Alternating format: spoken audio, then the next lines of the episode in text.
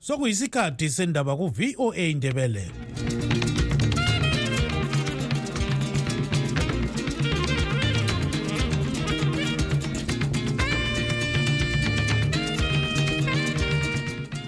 lami ngibonge utano nogawande obesipha indaba ngolimi lwesishona. Lingalivuka njani zulukandaba? Lamukela emsakazweni westudio 7 ngolwesithathu mhla ziku-3 zibandlela 2024 nguchris gande. Endabeni zethu lamhlanje. Umkhokheli webandla lezaphu umnumzana sibangilizwe nkomo uthi ibandla lakhe alivumelani lokuthi uhlelo lokulungisisa udaba lwegugu rawundi lukhokhelwe zinduna. Into okunye kwangikhona kutshengisa ukuthi bayabephula umthetho. Yikho phela um thina njengezimbabwe republic police sikhiphe i-statement leyo amapholisa athi azabopha bonke abagqugquzela ukuthi kungabi lokuthula elizweni. Kuyazanywa iminyaka yonke leyo ukuthi kudutshele kungabi into eyazakalayo emhlabeni ukuthi bekule umbhidazwe kulematherileni kodwa ngenxa yokuthi into ivele elempondo kasihleki kwacina kuvuza ikho emgabe ifuna ethi it was a moment of madness izakhamizi zedolobho lakobulawayo zikhala ngokuvalwa kwamanzi okwamalanga amahlanu ngeviki. Uhlupho lwamanzi luqhubekela phambili njengoba siyakunanzelela ukuthi kulonyaka lakumnyaka lo esanda ukuwugqiba izulu alinanga kuhle. Zonke lezi ndaba lezinye lizozizwa khonapha emsakazweni westudio 7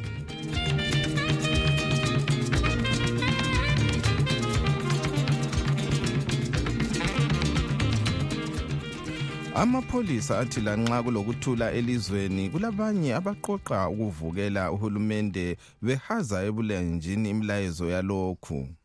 Ngalokhu amapholisa athi azabopha bonke abafuna ukudala udlakela.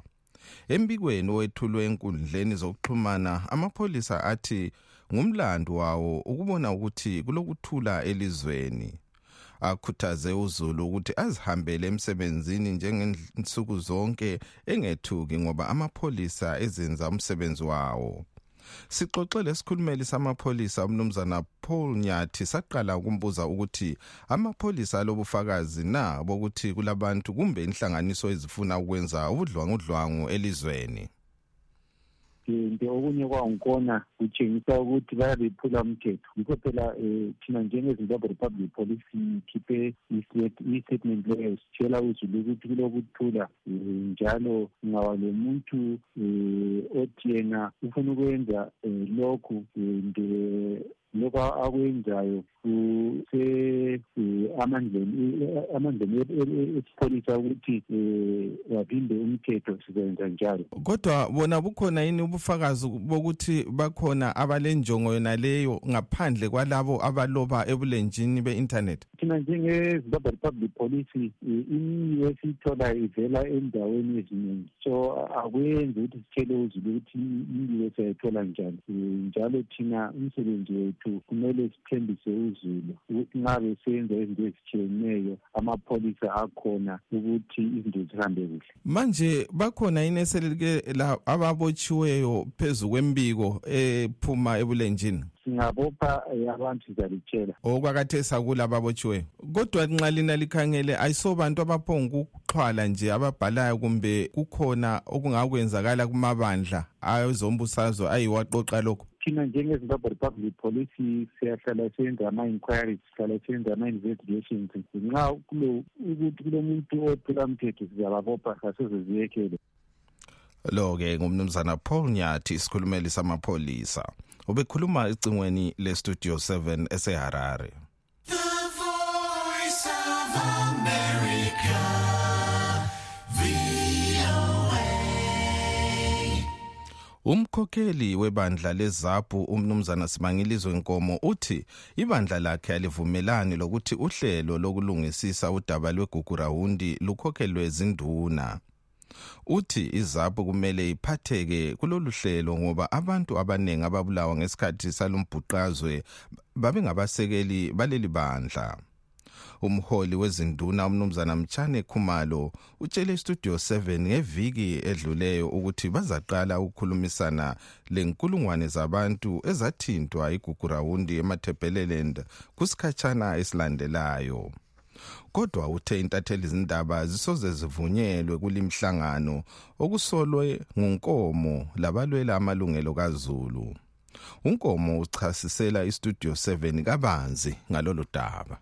Kwazanywa iminyaka yonke leyo ukuthi kugqitshelwe kungabi into eyazakalayo emhlabeni ukuthi bekule genocide umbhidazwe kule mathebelendi kwazanywa ukuthi bekuvale kodwa ngenxa yokuthi into ivele elempondo kayifihleki kwacina kuvuza ikho umgabe icina ethi it was a moment of madness. Lokho kuhlanya-ke okutsho umgabe ukuthi kwakuyisikhathi sokuhlanya buya phambili kulokuthi kuxoliswe kwaziswe officially ukuthi kule nto enjalo eyenzakalayo hhayi kuyehlula sokubuya-ke leyo programu edalwe ngumnankagwa iqhubile-ke into yakhe umnankagwa wayefikisa lapha esikhona khona khathesi ukuthi ethume izinduna ukuthi ziyekhuluma labantu. Um kuyisimanga ntungameli ngoba lezo zinduna zilanda abantu ezazibakhokhela ngesikhathi bezulawa lezo zinduna zake zabotshwa ngesikhathi iguqulawundi lezo zinduna zibulewe ezinye zakhona ezinye zanyamalala uthuma njani umuntu ophakathi kobuhlungu phakathi kokukhala ukuthi ayekukhulumela labantu bangakini obabuleleyo? Zibanjiwe-ke ngamandla izinduna ukuthi zihambe ebantwini ziyekhuluma um labantu ngegugurawundi kuncele kuncele kakhulu kuyazila kubi khonokho kwenziwe ngumnankagwa ngifuna-ke isizwe sibe kwazi isizwe sezimbabwe ukuthi thina njengezaphu sizakutshalenja lokhu. Asoke sime sikukhangele sifuna i-independent commission three sifuna into kumele abantu. Four sifuna izaphu lezipra i-involved entweni le directly le-government. Five sifuna ama-properties ethu awezaphu lezipra athathwa ngenxa yegugurawundi ngenxa ye-tribalism abe khona kwinkulumo lezi njalo aphindekiswe so um ngithi sizatshalenja le nto. Liza kutshalenja njani baba unkomo?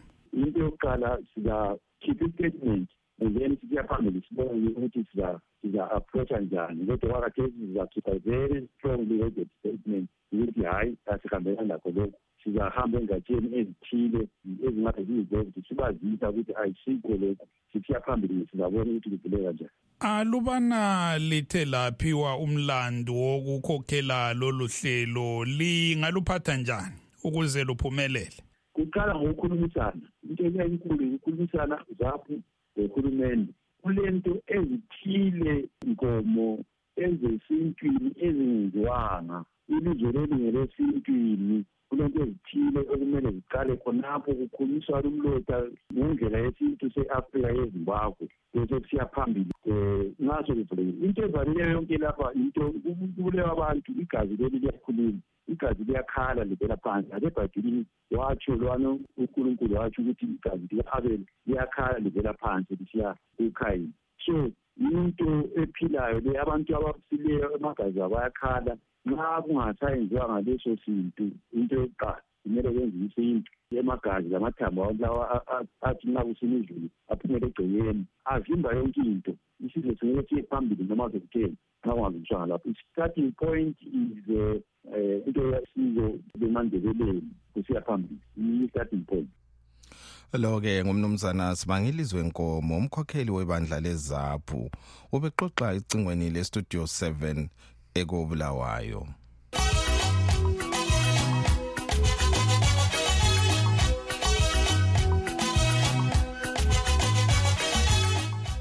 Izakhamizi zedolobho lakobulawayo zikhala ngokuvalwa kwamanzi okwamalanga amahlanu ngeviki. Umanisipala wedolobho leli uthi uthethe leli nyathelo njengendlela yokulondoloza amanzi emadamu ngenxa yokungani kuhle kwezulu. Lanxa kuke kwana izulu ngensukwana ezedluleyo eligelezele emadamu libikwa liyingcosana engasoze idale umehluko. Sixoxe lesiphathamandla senhlanganiso yezakhamizi eyebulawayo progressive residents association umnumzana thembelani dube. Uhlupho lwamanzi luqhubekela phambili njengoba siyakunanzelela ukuthi kulonyaka lakumnyaka lo esanda ukuwugqiba izulu alinanga kuhle. So ngokunjalo-ke amadama yiwo asiwathembileyo kawala manzi okutsho ukuthi nxa kungasakwenzakala izimanga izulu lana um laba liningi kakhulu udubo lwamanzi luzaqhubekela phambili. Njalo amanzi azaqhubekela lokhu evalwa amalanga amahlanu 120 hours ngeviki. Okuyikuthi kuzaletha ubunzima obukhulu kakhulu um kubahlali bedolobho lakobulawayo. Njengoba izulu likelana. Umanisipala uthini? Akhona yini amanzi agelezele emadamu? Izulu elinileyo kasilo zulu esingakhangela ukuthi lenza umehluko emadamu akobulawayo lizulu nje elibe ingcosana okutsho ukuthi libe lincedisa nje ukuthi utshani buhlume um lezihlahla ziqhume kuhle. Kodwa-ke nxa sikhangela amanzi angena emadamu hhayi malutshwana kakhulu. Vele singatsho ukuthi kakukabi lamanzi angena emadamu um ngokungama-percentage nje okuncane ongaba ngo-zero comma something. Udubo lwamanzi luqhubekela phambili ngaphandle kokuthi kuze kubuye mhlawumbe imvimbi eh kaFebruary yiye singathi mhlawumbe nxa kungaba lezulu elingcono kulalokho esikubonileyo hayi singaba lethemba kodwa kathesi ithemba lincane kakhulu okukutsho ukuthi udubo lwamanzi luzaqhubekela phambili njalo abantu bazadubeka eh ngodaba lwamanzi ngoba ukuthi kuze kukhitshwe i-water shedding le 120 hours kutsho ukuthi kuyamele amadama abesefike kusilinganiso esithize kodwa kwakhathesi udubo lwamanzi luqhubekela lusiya phambili. Eh uhlupho lwamanzi sibili idolobho lakobulawayo amanzi sokuludubo sokumele ukuthi uhulumende alunanzelele njalo kuzanywe imizamo echiyeneyo ngenza ukuthi abantu bakobulawayo bangaze baswela amanzi. Umnumzana thembelani dube isiphathamandla senhlanganiso yezakhamizi eyebulawayo progressive residents association.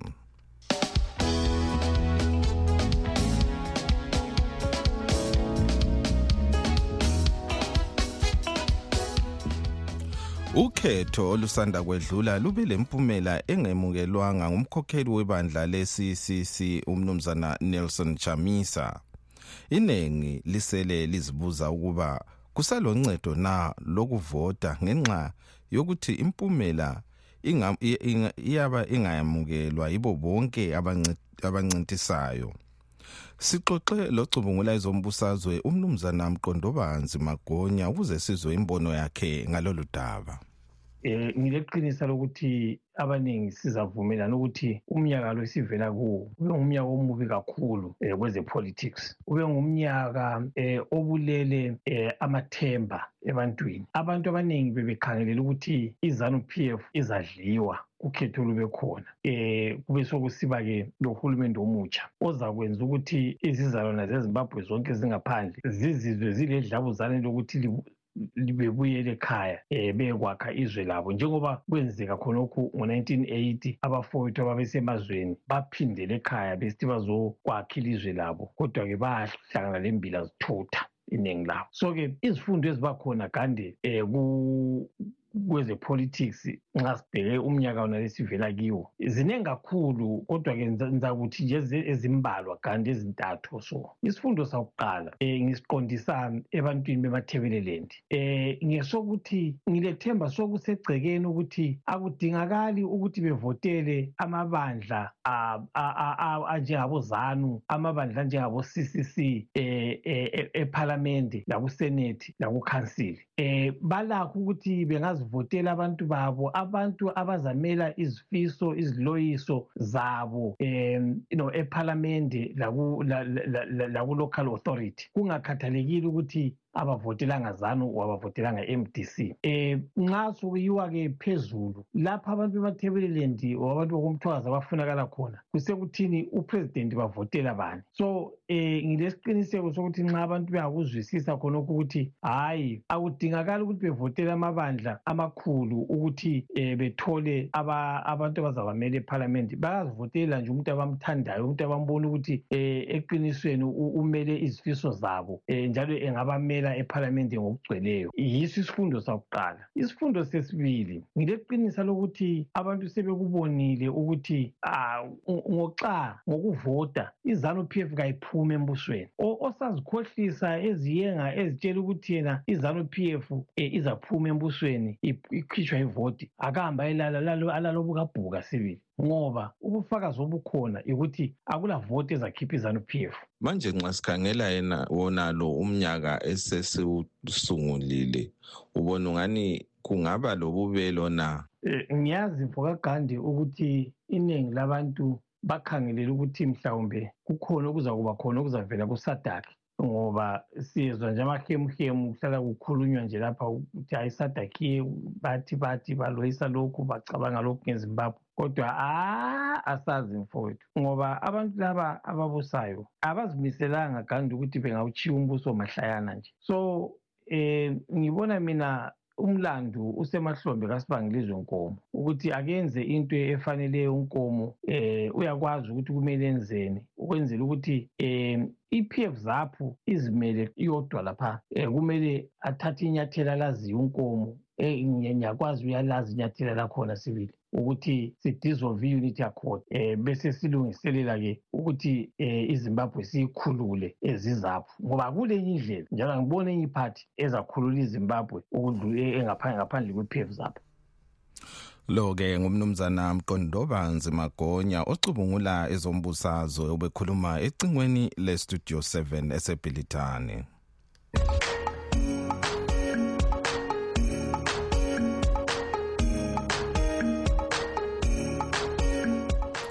okwamanje sengidedela emuva ngelichiya izandleni zenu lina balaleli bethu kumbiko yenu elisithumele nge-whatsapp. Njani linjani linjani kustudio seven hhayi siyabonga nge- ngendaba eziqondileyo elisinika zona mina ngicela ukubuza sibili ukuthi kathi abantu abanjengabombongolwane labokhawule labojoseph chu bathembeni that's why vele izimbabwe ingasozake yakhululeka because labantu abadonsela emuva badonsela kuzanu kodwa bebona ukuthi izanu vele kayisincedi ngalutho. Kambe shuwo ngakhala ngama-structures uthi hey uchamisa kalama-structures uchamisa uthole according to zek uthole 1.9 million people. Amboni ukuthi umbongolwane inxa engafoma iphathi namhle engayithola ngaleyi namba utsho ukuthi abantu abangu-1.9 million bonke kabalandaba le ka- kabacabangi. Yena umbongolwane ngiyocabanga hhayi kasithiye umbongolwane thina kasithiye sibili. Kahlale emazweni khona ngale sibone ukuthi khona kuyaphetha ngani. Siyabonga studio seven happy new year. Hayi ujoseph juma kake kusiphaphela lo laba bantu bahlule ukulungisa i- ima- bahlule ukuletha imali yelizwe. Idola lasezimbabwe lidala liyani lalikhona ngama-90s njalo um okwesibili bahluleka ukuvula amafemu. Amafemu amele utshani manje okugcwele amasengama-chechi idorobho lonke izimbabwe yonke. Bahluleka ukulungisa khona lokho bezotshela abantu abantwana bezimbabwe ukuthi bebe ngamavenda ilizwe lonke. Bona bebhizi be- be- beshiyana imali yama-taxpayers labo labangani bakho abezayo besiya kobo-singapore ukuthi angabosijwayela kabi lo abazama ukuhlonipha bayabonaniswa izidlima zabo sibone ukuthi badlala ngabantu. Bona bayajwa basuthi ufuna ukuzodlalela ebantwini. Ma umuntu esuthi seqala ukuwe phaphela abantu. Angotshela abantu ukuthi bebe ngamavenda. Manje abantu babalekele kwamanye amazwe ngenxa yokuthi kulamafemu. Bona bahlulwa yini ukuvula amafemu? Babe sehlulwa kabaphumele ukuze bavotelwanga vele baswaka ngabonga ngumasenga lapho kubulawa iphumule emadoda istudio 7 salibona livuka njani labalaleli? Wena mantshezi ungazosijwayela wena ungazosidelela. Ungathi wonke umuntu ongasapoti i-triple c ungathi usapoti izantu ungasideleli mantsheza ungasideleli ungasideleli. Sizithulele nje khona lapha siyakuzwa ulokhu umana ulokhu umana khona la. Uchabangwe njani uright? Limsolani. Bakhona abamlandelayo futhi abamthandayo. Lina lifuna ukuthi umuntu onga- ongalandeli uchamisa limenze isitha. Lingabo- lingabozositshela thina lingasitsheli lingasideleli futhi lingabantu be-triple c abomantsheza ngiyabonga ye sibingelele enkundleni. Ye siyamuzwa ujoseph chuma lapha uthi abantu kufanele bevuke bezisebenzele eh umbuzo okhona yikuthi lina joseph chuma njenge-government eh lina lenzani? Manje umsebenzi we-government ngowani? Uma kuyikuthi abantu kufanele bevuke bezisebenzele lina umsebenzi wenu kuye ngokuhuquluza ama-taxpayers abantu imali abazi elikubhadalayo kodwa lithi abantu kufanele bevuke bezisebenzele. Kanti umsebenzi wegovernment ngowani? Ngicabanga ukuthi impela kahle kahle kukhona into elingayizwisisiyo empilweni ngoba umsebenzi wegovernment yikuthi khona uncedise abantu ukuthuthukisa abantu. Hhayi abantu besebenzele ukuthuthukisa igovernment. Angazi ukuthi impilo liyibona njani impela bojoseph chuma kumbe yikho ukusutha. Ayi yazi lisutha kabi impela joseph. Salibonani basakazi bestudio seven kunye labalaleli mhlaba wonke jikelele. Ami ngithanda ukuphawula ngendaba yegugurawundi ukuthi kuthiwa kayiphathwe izinduna. Alami ngibona kungaqondanga ukuthi iphathwe yizo izinduna ngoba izinduna before kwaba legugurawundi izinduna zazingakabi ngezezanu. Njalo ngaleso sikhathi kubulawa abantu izinduna lazo zezwa ubuhlungu ngalesiya sikhathi abantu bebulawa zezwa ubuhlungu. Manje izinduna sezingezezanu ngobunembi bazo sezathunywa sezincedisa ikhampeyini yezanu. Lokuthi kuthiwe udaba lolu kaluphathwe zinduna induna ziyahamba ziyetshela abantu okokwenza zihamba ziyexolisa zona ebantwini zithi ningaqali ukukhuluma ngakho lokhu sokwadlula. Yilangweji ezaba yilangweji ezinduna kula lokhu ukuthi kuthiwa izinduna zizahamba ziyelalela abantu hhayi izinduna ziyahamba ziyetshela abantu okokwenza ngakho lolu daba ngithi kalungaphathwa izinduna ngoba izinduna sezaba ngezezanu ngiyabonga. Hayi abantu bakithi bengethuki impela bengethuki ngoba umnotho lapha abantu abayi-two hundred vela ngeke bewuqeda abantu bezana ah wehlile ama-british lama-german bagubha bagubha kodwa abenzanga so vele bona kumbe ama-ministers kufanele ukuthi but abantu kufanele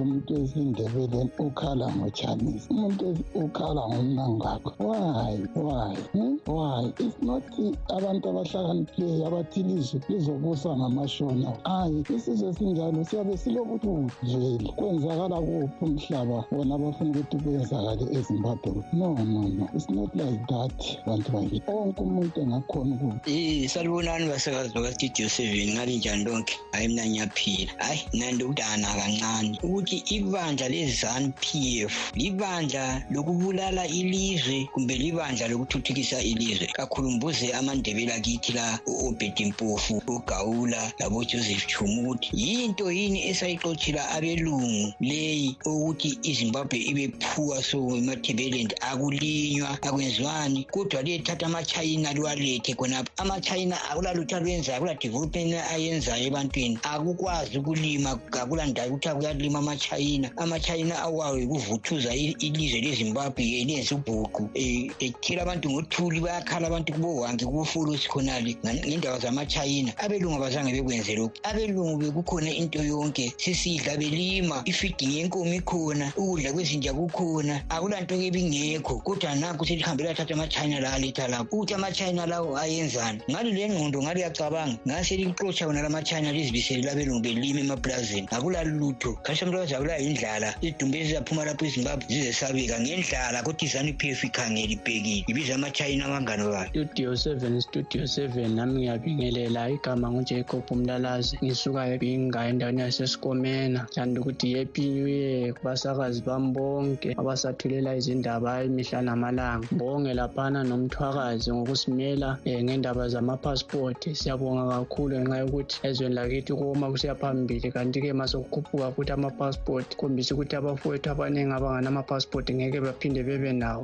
Siyabonga laphana. Salibonani salibonani salibonani lonke. Lingabe linjani? Ngithanda ukubingelela wonke amafodwana amahle wonke ilupani yonke jikelele yonke angikhethi mhlo angikhethi muntu ukuthi ubani ngibingelela wonke amafodwana studio seven studio seven ngibingelele kustudio ngibingelela ngila lase-south africa. Le ndaba le yenziwa ngamaphoyisa le yokuvimba amaphathi la amancane le nto le imbi kabi into ebuhlungu kakhulu le ngoba vele izanu yavela yayetelelwa kuseselomgabe so abantu bengayivumeli izanu kahle bengayivumeli impela. And ukuthi laba abantu laba ama- amaphathi la amanye aphikisayo or like o-triple c nomthakazi republic kufanele bephikisane nayo izanu until izanu ize iyenze into efunwa ngabantu. Hhayi ukuthi yona salibonani salibonani kustudio seven salibonani linjani happy new year happy new year. Hayi thina besikucela um sicela ukuthi amakhehla ezanda engabe kukhuluma umuntu angayaziyo. Bona uma besutha kumbe abantu abama besebenza khona ngapha epalamende abathole ukuthi izimbabwe bona khuluma ukuthi ezanu la imisebenzi ikhona bengakhona izimbabwe ngoba wonke umuntu osezimbabwe zimbabwe ngaphandle kwelizwe manje. Lesezimbabwe which means sisebenzela izanu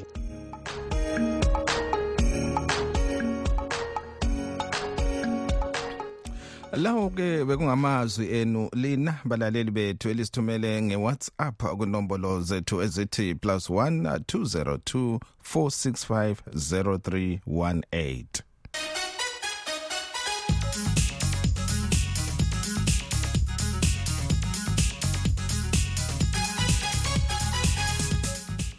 kwezemelika udaba lokuthi owayengumongameli welemelika umnumzana donald trump asuswe kuluhlu lwabazavotelwa kwezinye izabelo.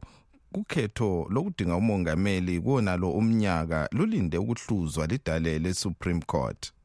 Utrump wetheswa amacala ambala ambalwa aphathelane lokugenqula impumela yokhetho.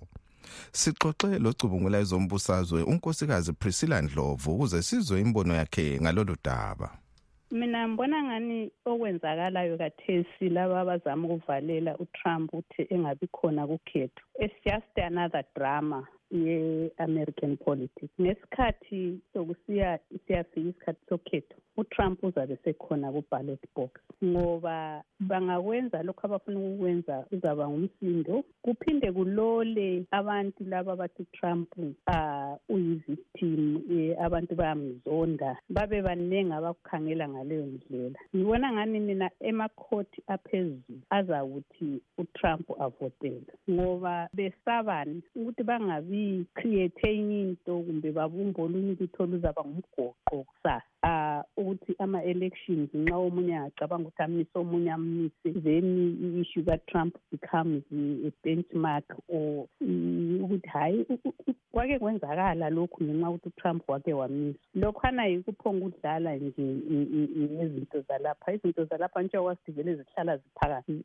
Engani kuthiwa ziya-exaggerethwa kancane. So mna ngibona ngani it's not yini nxa ngikukhangele and hearing ama-opinions abantu abaningi amboni ukuthi yindaba engayenza ukuthi utrump engavotelwa uzavotelwa kuphela. Kodwa khona kubandla lama-republicans ubona ubani ongani engasondelelana laye utrump? Njengoba sike sabona uh, umnumzana desantis laye ubengani useduze kodwa kathesi sesibona sokulo unkosikazi nikki haley. Ungathini wena ngalo um mna ngibona ngani laba bayazama abakuzamayo konke obaqambayo. Kodwa as long as umnumzana trump ekhona kwabantu abavotelwayo kumbe kungaze kufike ama-primary abo ama-republican. Utrump uzaphumelela kuphela uzanqoba ngoba ungakhangela ukuthi utrump kubo-fifty percent abantu abathi bazamvotela nxa ukhangela kulalabo abahamba belinganisa izilinganiso zokhetho bezama ukuthi bageje ukuthi ngubani ozavotela. Oniki heli baphansi kakhulu ukuthi kuzathathani ukuthi baze bavale isibanga lesi siphakathi kwabo lo-trump and enye into esimele siyinanzelele futhi esiyikhohlwayo yikuthi abantu abavotela utrump kufanana lokuthi thina sithi sivotela i-political party eyi-republican party. Leliyani isixeka labantu abavotela ulokhuzeni utrump kabaseyi-political party. Sokungani kuthiwa yi-cult? Olabana abaphonga ulandela umkhokheli kusemnyameni. Ukuthi angeze yenzeni? Bayalandela kuphela. Bangaze bezokuthiwa omunye uhambe khona phana bathi bayamkhulekisa wafa. But ngenxa yokuthi vele ingqondo zabo sezikhona pha ungeza kubakhuphe mina ngisitshela ukuthi laba abantu abafuna ukumvotela yena lowo baba ngabantu abavele bezondile kudala. Ungeza kubakhuphe kutrump? Yimkhaza enamathethisa abanye abathethisa kodwa bamvotela. So kuzabathatha isikhathi laba abantu abazama ukuthi bekhompithe layo because lanxa bezama ukukhompyutha laye kabamkhulumi amaqiniso ngaye. Bayabe lokhu bephumputha bayamesaba lokumesaba. Lo-ke ngunkosikazi priscilla ndlovu ocubungula ezombusazwe ubekhuluma ecingweni ese-washington state khonapha kwelemelika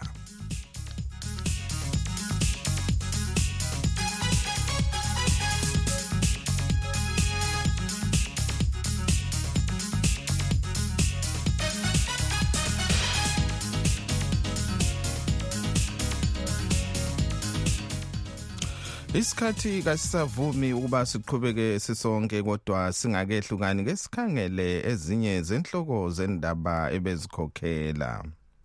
Umkhokheli webandla lezapu umnumzana sibangilizwe nkomo uthi ibandla lakhe alivumelani lokuthi uhlelo lokulungisisa udaba lwegugurahundi lukhokhelwe zinduna. Njengoba ngitshilo isikhathi kasisavumi ukuba siqhubeke sisonke kodwa abangenelisanga ukuzwa indaba zethu silazo ebulenjini kuwebsite yethu ethi yona www.voaindebele.com silazo indaba nsuku zonke kusukela ngomvulo kusiya ngolwesihlanu ekuseni kodwa ezantambama kusihlwa silazo nsuku zonke ngo 7 ngo-half past 7 nsuku zonke igama nguchris gande sidibane njalo kusasa.